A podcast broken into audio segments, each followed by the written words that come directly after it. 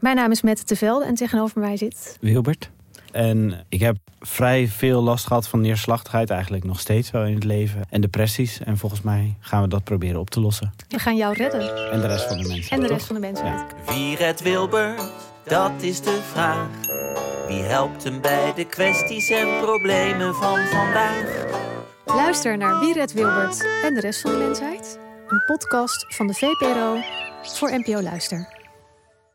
De nieuwe Nederlandse musical Onze Jordaan van Diederik Ebbingen is dit najaar in de theaters te zien. Koop nu uw kaarten op onzejordaan.nl. Leuk toch?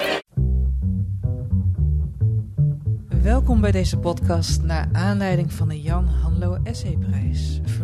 Naar de dichter en schrijver die de taal inzette om voorbij de grenzen van taboe of de gemeenplaats te kijken. De man die via zijn teksten vermaakte, verraste, verontrustte, bij wie de grap en urgentie elkaar niet uitsloten, maar juist aanvulden. In deze podcastreeks worden de vijf genomineerden van de Jan Hanlo Essayprijs 2021 aan u voorgesteld en zal middels een gesprek hun werk en denken onder de loep worden genomen. Mijn naam is Ellen Dekwits en vandaag zit ik tegenover Shinan Chankaya en hij is genomineerd met Mijn Ontelbare Identiteiten, waarin hij reflecteert op de veranderde omgang met de ander in Nederland, vertelt over zijn persoonlijke ervaringen als man, als Nijmegenaar met Turkse ouders, als academicus, als klassemigrant en als NEC-supporter. Het werd een mix van memoire, bespiegeling, pamflet, essay, met als hoogtepunt, wat mij betreft althans, het moment waarop Chankaya een toespraak mag houden op zijn oude middelbare school, waar zijn voormalige racistische leraar geschiedenis in het publiek zal zitten. Sinan, welkom. Dag, hoi. Gefeliciteerd met de nominatie. Dankjewel. Een van de hoofdrollen van dit werk is weggelegd voor je voormalige geschiedenisleraar Nico Konst, ooit nummer 2 van de extreemrechtse Centrumpartij. Het is een man die jij dan beschrijft als een eh, goed aangepaste racist met een stropdas, vermomd als een grijze ambtenaar, een gewone hardwerkende Nederlander. Haast alsof deze man is gefatsoenwashed, daar moest ik meteen aan denken. Jij houdt in je boek ook een speech op je oude middelbare school. Het boek eh, het is de climax van het boek. Je bent de hele, de hele aan het piekeren. Wat ga je zeggen? Je weet dat hij in het publiek zal zitten. Ga je het aankaarten? Je kaart het aan. Hoe reageerde hij? Hij eh, onderbrak eh, mij midden in mijn verhaal. Eh, hij zat dus in het publiek. En op, op zijn oude manier vouwde hij zijn handen rondom zijn mond en, en riep toen: Ik kan me er niets van herinneren. En eh, nou, er ging een soort eh, schok door de, door de zaal. En anderen begonnen te mompelen en te murmelen. En eh, volgens mij zei ik iets van: Ja, ja, dat, dat zal zeker. En, en vervolgens ging ik verder met, met mijn verhaal. Ben je na afloop nog door hem aangeschoten? Nee, nee, ik bedoel, je, je kunt je voorstellen, het is het 40-jarig jubileum van mijn middelbare school. Ik geef een, een speech eh, die zij niet helemaal verwachten. En, en, en, was waarschijnlijk ook eh, niet eh, waarom ze mij hadden gevraagd. Ehm, dus je merkte wel dat ik daar als een sociale paria na afloop nog een beetje rondliep. En er kwamen één, twee mensen naar mij toe van... eh, goed dat je het hebt gezegd, maar ik werd vooral eh, eh, vermeden daar. Ik had het idee, dat beschrijf je ook in je boek, dat die mensen in de aanloop die hadden gevraagd om daar te spreken, in de aanloop daarvan eigenlijk jou wilden framen. Als kijk eens wat een succesproduct wij hebben voortgebracht. Mhm, mhm. Ja, zo, ja, zo kwam het op mij over. En, en, en er was een voorgesprek. Daar is toen ook een interview over geschreven voor de, voor de schoolkrant. En dat bleek daar toen ook wel heel erg uit. Ja. Dus de, de Turks-Nederlandse jongen uit een eh, achterstandswijk, eh, Hatert in Nijmegen. En, en, en kijk hoe ver hij het heeft geschopt. Hij heeft het, eh, eh, het Nederlandse ideaal vervolmaakt. En, eh, eh, en, en, en het leek alsof zij met mij wilde gaan paraderen. Dus, Ja. dus dat ik uiteindelijk deze boodschap. Het klonk ook inderdaad, Gaf. want je, je hebt dat interview ook in het boek opgenomen. Het klonk meer als zelffelicitatie voor de school dan echte interesse in jou, in wat je beweegt. Dit boek is vorig jaar mei, in mei 2020 uitgekomen. Heb je nog iets verder gehoord van de mensen die je hierin aan had? Dus je oud-leraar konst of deze dame? Eh, nee, van Konst heb ik niks meer gehoord. Ik heb na afloop eh, een eh, mail ontvangen. Dat was van een uh, oude docente. En ehm, dat was een paar dagen nadat ik de speech had gegeven.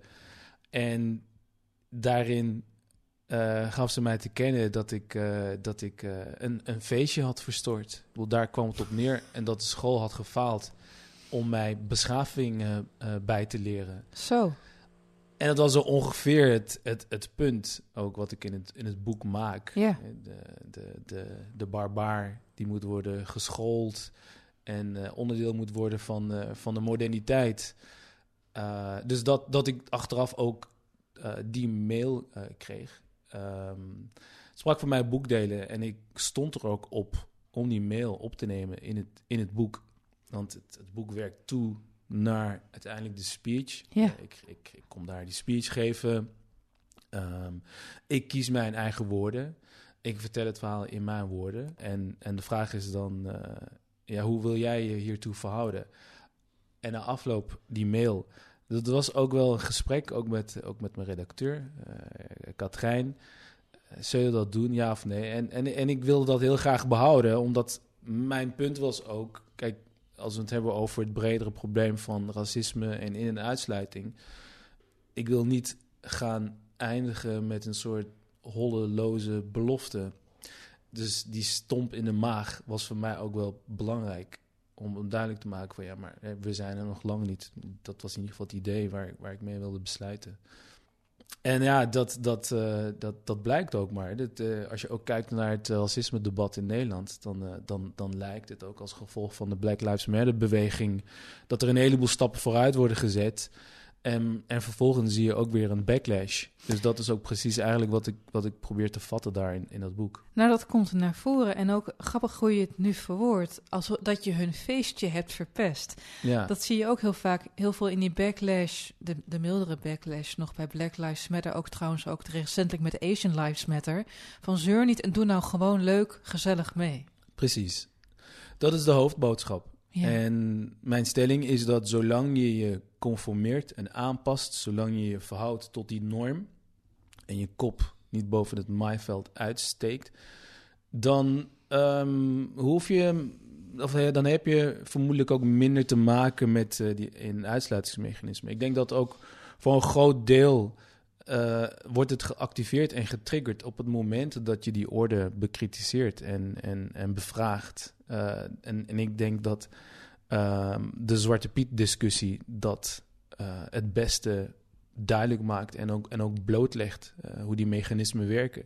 Want dan wordt het plotseling, maar wacht even, buitenstaander, vreemdeling. Jullie gaan ons toch niet vertellen hoe wij invulling geven aan onze eigen tradities. Mm. Uh, en dan, dan wordt pas duidelijk wat uh, de onderliggende machtsverhouding eigenlijk al die tijd al was. Uh, en die, die duidelijk wordt op het moment dat degene aan de marge wil meepraten. En tot welke hoogte meegaandheid van je werd geëist als minderheid? Ja, ja dus dat is eigenlijk de, de, de, de afspraak, de, de impliciete afspraak. Aha, en als je dus niet spreekt, dan moet je dus eeuwig daarin meedraaien. Je, schrijft ergens ook heel mooi dat integratie geen eindstation kent. Ja, en ik denk ook uh, dat de notie integratie ten doel heeft om die buitenstaanderspositie te vereeuwigen. Zodat uh, migranten ook het ritueel van loyaliteit betuigen eindeloos doorlopen. Ja, en dat er nooit initiatie plaatsvindt. Je blijft altijd aan de buitenste rijen. Je, bent, je, je blijft steeds aan de rand en je bent als een soort dansende beer. Ja. Uh, ben je steeds aan het zeggen, maar ik ben loyaal, ik ben loyaal, ik ben loyaal. En, en ik denk dat het gaat dus om het, het eindeloos herhalen van, van die claim. Over, uh, over het opnemen van deze speech in je boek, maar ook e-mails van deze docenten. Uh, de boze mail achteraf van nog een andere docent die verbonden was als oud-docent, geloof ik, aan deze school. Yeah. Um, wat mij opvalt aan dit werk is dat het echt een totale hybride is. Hm. Het is een, een, een, vorm die uit diverse vormen bestaat. Dat is natuurlijk op metaniveau prachtige, uh, een prachtig vormen-equivalent van wat je inhoudelijk betoogt. Namelijk dat jij ook als persoon eigenlijk een constant proces bent waarbij verschillende identiteiten over elkaar heen gaan en lappen naar gelang situaties. Mhm. De ontmoetingen die je hebt. Ik was natuurlijk jou even aan het Google stalken in de voorbereiding Oké, van dit interview. En ehm, ik las in een interview met jou ergens dat dit eigenlijk begon als een populair wetenschappelijk boek, maar dat gaandeweg toch jij er de hele tijd in terugkwam. Wanneer gaf jij het verzet op tegen jezelf die maar in dat boek kwam? Maar Heb je, heb je nog bewust die knoop moeten doorhakken? Hoe is dat proces gegaan? Dus ik ben begonnen inderdaad met een populair wetenschappelijk boek. En ik dacht ook zelf halverwege, ja, dit is dood, doodsaai. en, en dit is het gewoon niet. Want ik ben nu eh, in zekere zin iets aan het herhalen wat ik al in feite doe. Dus ik vond populair wetenschappelijk niet ver genoeg gaan.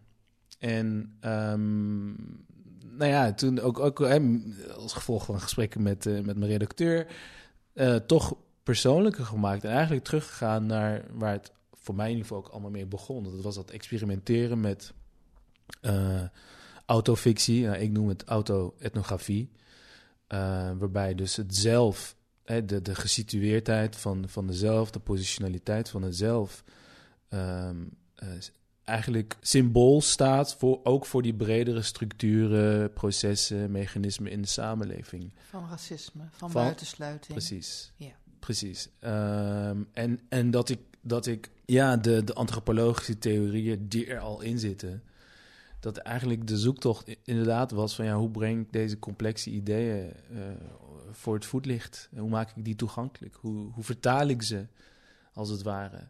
Je, je had natuurlijk eigenlijk alle basis al in huis. Zowel de, de academische basis als de persoonlijke ervaringen. Je, Mhm. eh, hoe lang heeft het geduurd voordat je de eerste versie af had? Want ik kan me indenken dat het ook een eh, gedoe is geweest. Zeker. Ja? Hoe lang heb Dat je een hele worsteling, ja. Eh, ik- drie jaar denk ik in Drie totaal. jaar. Ja, En dat naast je academische... het was wel inderdaad naast mijn huidige werk. Ja. Ik moest ook heel erg denken toen ik dit boek las aan een Vlaamse roman, Menuet, van Louis Paul Boon. En dat is, Mhm. jij opent je hoofdstukken met allemaal afschuwelijke citaten van Nederlandse dagbladen, kwaliteitskranten, Volkskrant, Telegraaf, ook mijn krant, de NRC zit erbij, waarin geframed wordt, waarin je citaten aanhaalt, krantenkoppen waarin staat politie vreest mensen met negroïde en linkse uiterlijk, tot en met een krantenkop waarin staat dat Tweederde van de Nederlanders er geen probleem mee zou hebben wanneer er etnisch wordt geprofileerd. Heb jij die koppen allemaal verzameld? Of, of Ik- ja, ja. Ik ben, ik ben, maar ik ben ermee gestopt om ze te verzamelen. Je werd er te depri van. Ja, nou ja, het, het- op een gegeven moment... Kijk, ik was vooral... Voor mij, voor mij was het een beetje... Ik beschrijf dat ook in het boek... Dat de voor de hand liggende kritiek op, eh, op autofictie of de auto-etnografie... is dat, dat het wordt gezien als, als eh, eh, persoonlijke individuele ervaringen van een enkel persoon. Dus voor mij was de zoektocht in dit boek toch ook wel de vraag van wat heeft, wat heeft bewijskracht? Dus hoe, hoe kan ik op een bepaalde manier toch ook steeds weer koppeling, koppelingen maken naar dat bredere, grotere verhaal dat ik vertel? En ja, en dan plots krijg je die ingeving van ja, krantenkoppen gebruiken, waar- waarbij het in, idee inderdaad is van eh, wat ik hier aan het vertellen ben, in ieder geval voor mij, Het is het breder. Het, het is breder. Ja. Eh, framing, eh mediaframing eh, is onderdeel van het probleem wat ik hier bespreek. En eh, ja, dat was, dat was in bredere zin de zoektocht in het boek. Van hoe zorg ik er nou voor dat, eh, dat ik niet de nou ja, goedkope kritiek krijg dat het een, een persoonlijk verhaal is van mij alleen. Ik sterk me in de gedachte, hè, ook als ik kijk naar reacties van, van anderen die zich in het verhaal herkennen, enzovoort, enzovoort, dat, dat, dat ik daar toch min of meer in ben eh, geslaagd. Maar de vraag was ook voor mij, ja, hoe kan ik nou sociologische en antropologische theorie op een alledaagse manier opschrijven? Dus qua vorm waren dat steeds de vragen die, die mij bezighielden. Mhm. Je beschrijft op een gegeven moment dat er iets engs gebeurt en de kou trekt vanuit je voeten omhoog door je hele lichaam heen. Alles verstart daar. En ik Mhm. moest hierdoor denken aan de roman Between the World and I van Mhm. Ta-Nehisi Coates. Waarin hij op een gegeven moment ook zegt... het probleem met racisme is dat het tot beleid leidt. Het probleem met beleid is dat het tot gebroken botten... en gescheurde harde, harten en wonden in de huid leidt. Het- En zit ik daarbij een beetje in de buurt met die analyse... dat je daarom ook dat fysieke zo streng hebt beschreven in dit boek? Dat, dat zeg je inderdaad heel erg goed. Dat is ook het, het eh, vermoeiende of het, eh, hetgeen wat ik zo beperkend vind aan wetenschap. Ik vind, ik vind wel, de antropologie is wel een hele andere tak van sport. Ja, Eh, omdat daar het etnografische zo centraal staat. Alleen ja, de neiging is om die hele fysieke ervaringen, om, om die te gaan abstraheren. ja precies. Het is losgezongen van een lichaam. Inderdaad. Ja, En ik wilde in dit boek toch wel het, het lichaam ook wel eh, centraal stellen. In ieder geval ook de ervaringen, gevoelens, de pijn, hè, de, inderdaad, hè, de, de klappen krijgen. Dus, dat, dus Ta- Ta-Nehisi Coates was ook wel een van de boeken eh, die mij hebben geïnspireerd. Ja. eh, in deze zoektocht naar andere oudere postkoloniale denkers. Eh M. Frans ja, ja. eh, nou, James Baldwin. Eh, en, en ook meer recenter DJ Eribon, hè, terug naar Rens. Ik citeer hem ook als ik het over de klassemigrant heb. En Edouard Louis. eh, ze hebben mijn vader, vermoord. Ja, ja. Dus dat, wa dat waren wel de, de boeken die ik heb gelezen tijdens het schrijven van dit boek. En ja, Eribon, zelfs socioloog, kent die theorie. Hij heeft degene die ook de, de biografie van Foucault heeft geschreven. En wat hij ook heel mooi doet in Terug naar Reims is hoe, eh, hoe, hoe, hoe hij het heel alledaags maakt en persoonlijk. En, en die, die scènes en eh, situaties met, met zijn moeder en zijn vader. Waardoor het eh, ja, verlevendigd wordt. En dus dat, ja, dat, dat was zeker wel een inzet. Ja, wie, wie zijn jouw inspiratiebronnen? Wie, wie hebben jou eh, beïnvloed? Want je schrijft ontzettend beeldend. Eh, Heb je voorbeelden? li- Literair bedoel je? Ja. Ehm, ja, ja. Nee, ik heb, ik heb... Ik moet zeggen dat qua stijl ben ik nog zo zoekende. En ja, ik ben, ja, voor mijn gevoel ben ik dat echt nog aan het, aan het verkennen. Ehm, dus, dus ook deze overstap eh, van, van het academisch schrijven... Eigenlijk de eerste... ehm, eh, verkenning met de, de, de columns voor de correspondent. Nu dit boek. Dus voor mijn gevoel eh, sta ik echt nog aan het, eh, aan het begin. Ehm, ja, ik vind dit boek ook veel meer een, een, een, een, essay. Dus als je, als je het hebt over eh, inspiratiebronnen, dan denk ik ook bijvoorbeeld aan essayisten. Ehm, ja, je, moet, je probeert je lachen te onderdrukken. Ja, ik moet even Ik lachen. waarom. want, want, want, want, want, kijk, ik, eh, ik, ik, ik ben natuurlijk ook, ik ben natuurlijk ook on- de onderzoeker hier, hiernaam. En er staat heel netjes in de flaptekst hier. Eh, en en ik, ik, ik, breng zelf ook boeken uit, dus ik weet Ik dat weet er geen komma op de flaptekst staat waar Ja. je niet over gevraagd bent. Er staat, dit is je literair debuut. En Ja. de nuurcode van dit boek, ja, vergeef mijn beste luisteraar, maar dat zoek ik natuurlijk ook op, is 301. Dus het is echt literair proza, dit. Ja. Dus overnieuw. Ja. Ik, ja, wat zeg, wat zeg je daarover? Ik bedoel, dat, dan, dan, dan de, grote vragen. Wat, wat, wat maakt het literair? Wanneer is het literair?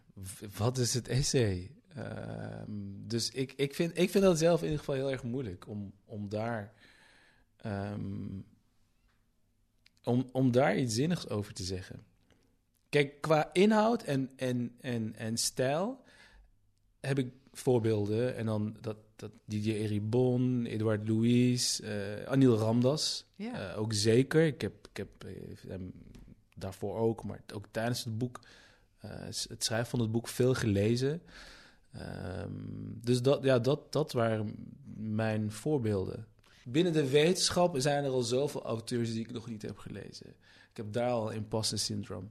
En nu ben, ik, nu ben ik de literatuur aan het verkennen of het literaire. En er zijn nog zoveel auteurs die ik niet heb gelezen. En dan, nou ja, ook de poëzie. Ja, er is nog zoveel wat ik niet heb gelezen. Dat mag. Dus dat is. En ik denk, en wat ik nu zeg, ik, ik ben daar veel over aan het nadenken, ook de laatste tijd. En ik denk dat, dat hier al iets in zit. Want je kan hè, dat idee van de imposter syndroom, dat is ook een soort psychologisch concept. Kan je individualiseren. Maar ik denk, wat ik nu zeg, dat dat al een uiting is van een bepaalde eh klassenpositie. En Ja. Bond schrijft daar ook over, als hij het heeft over klassenschaamte. En dat is toch ook het idee, denk ik, van, nou ja, eh, van, van mij, hè, of meer mensen uit een arbeidersmilieu, arbeidersklasse, uit gemarginaliseerde wijken, enzovoorts, enzovoorts. Ja, het verkennen van, eh, van, van de kunsten. of het nou schilderkunst is of eh, dichterskunst, eh, de literatuur. Ik, ik, denk dat je dan toch dat gevoel hebt dat je achterloopt. Ja, ja, ja. Ja, daar zeg je wat. Ik heb de afgelopen weken getoerd met eh, Alex Bogers, eh, Rotterdamse schrijver, ook uit het arbeidsmilieu. En wanneer wij in het publiek spreken, houdt hij niet op met te benadrukken dat hij maar een jongen van de straat is. En dat hij niet zeker weet dat of wat hij schrijft waarachtig is. Ja. Dat is grappig, het is ook een soort minderwaardigheidscomplex. Heel, e- heel erg, heel erg. En ik denk, ik bedoel, hè, de psycholoog die heeft de disciplinaire reflex om dat te gaan psychologiseren en te individualiseren. En, en ik ben antropoloog. Ja. En als antropoloog slash, slash eh, socioloog ben ik geïnteresseerd in ook hoe dit op, op meer collectief niveau uitpakt. En op het falsificeren.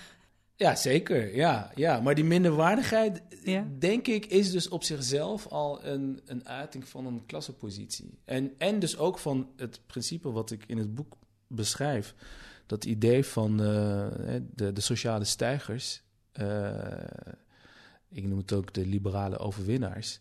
Die dan in, in milieus eh, geraken waar ze voorheen niet meer bekend waren. En dus toch, toch inderdaad dan dat gevoel met zich meezeulen van... ik hoor je niet helemaal. En heel belangrijk, want, want dit boek is he- heel vaak geframed... niet in de kwaadaardige zin, hè, maar... maar, maar bedoel, ik heb daar ook zelf aan bijgedragen. Maar het, het Dan lijkt, heet het marketing. dan heet het niet meer vreemd, dan heet het marketing. ja. Het, het, het, het, het- voor mij is dit niet alleen een boek over racisme. Ik bedoel, het gaat over die meervoudige identiteit, eh, de situationaliteit daarvan. Ik vond het heel erg belangrijk om ook om vooral dat punt over klasse ehm, te, te maken. En, en zelfs op een bepaalde manier ook met een publiek in, in mijn hoofd, eh, vooral jonge eh, mensen met een migratieachtergrond, om, om dit ook als een soort ja, analysekader, frame aan te reiken, if it were. Ehm, van ja, maar een heleboel van onze ervaringen, dat is dus niet alleen langs de as van etniciteit en, en ras, maar ook de, het, het kruispunt met klasse. Er zijn klasse en, en ras, etniciteit. En wat er dan gebeurt. Op een gegeven moment schrijf je ook dat je denkt dat het op een gegeven moment ook niet meer gaat binnen de elite om kleur, maar om die klasse. Zeker. Ja. Ja. Sinan, ik was je natuurlijk ook even voor dit interview. En ook gewoon vanwege eh, human interest aan Facebook stalken. En gefeliciteerd. Ik zag dat je hebt getekend bij de bij Ja. voor twee nieuwe werken. Ja, dankjewel. Hoor dat je twee nieuwe romans? Ehm, Of wordt het poëzie? Het, Eh, het eerste boek eh, wordt non-fictie. Waarover? Ja, ik, daar wil ik nog niet veel over prijsgeven. Het is allemaal zo pril en zo broos en breekbaar. En, eh, nee, dat durf ik nog niet. Dat is goed. En je tweede boek? Dat, dat, dat het idee is dat dat een roman wordt. Nou, je ziet het al haken en ogen en slagen om de arm. En, ehm, Dan weet ik dus zeker dat het een roman wordt, omdat je je nu al zo enorm indekt. ik hoop dat, ik, dat, dat het mij gaat lukken. Dat. Het is mijn grote droom. Het is eh, iets wat ik heel graag eh, wil.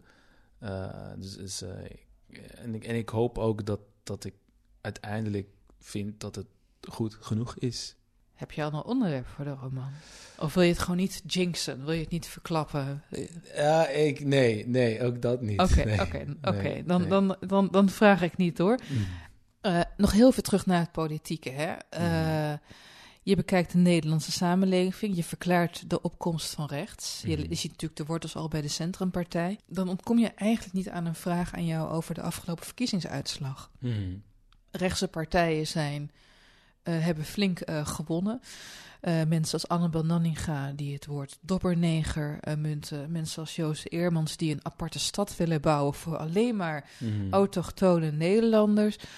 Ik kan me indenken dat jij, die toch ook een beetje een soort strijd voert... voor het mensen duidelijk maken dat, ja, als je begint met buitensluiten, houdt het nergens op. Mhm. Dat je de moed die ochtend in de schoenen zonk. Dat kan je wel zeggen, ja. Ja? Ja, Ben je inmiddels wat hoopvoller gestemd? Of is het geen kwestie van hoopvol, maar strijdvaardig zijn? Eh, dit is, daar ga ik er toch iets over zeggen, maar dit, is, dit wordt precies het onderwerp van mijn nieuw boek.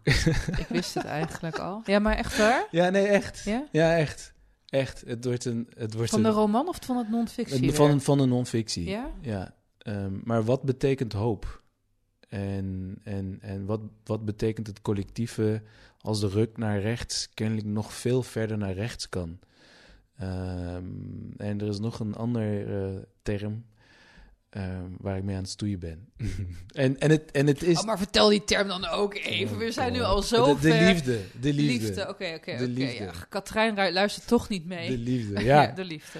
Nee, er luistert verder nu helemaal niemand, toch? Nee, Ja, nee dit is niet publiek.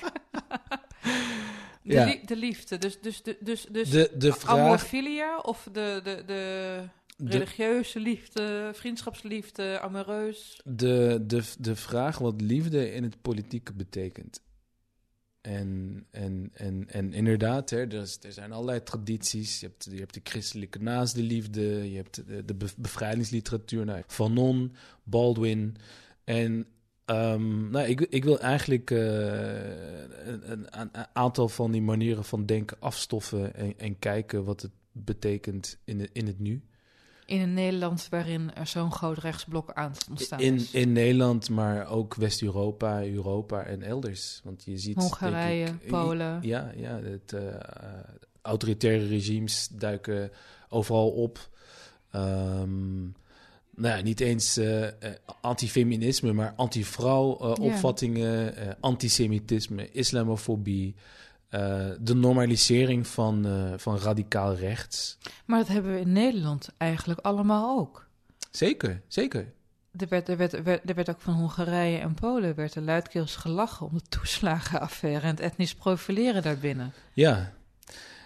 Ja, ik bedoel, ik, ik vind ook, als het dan over dat soort kwesties gaat, over, over ja, ik bedoel, wil je een voorbeeld van institutioneel racisme, de toeslagenaffaire. En, en als je dan toch merkt dat dan eh, de, de huidige zittende politiek daar niet op wordt afgerekend.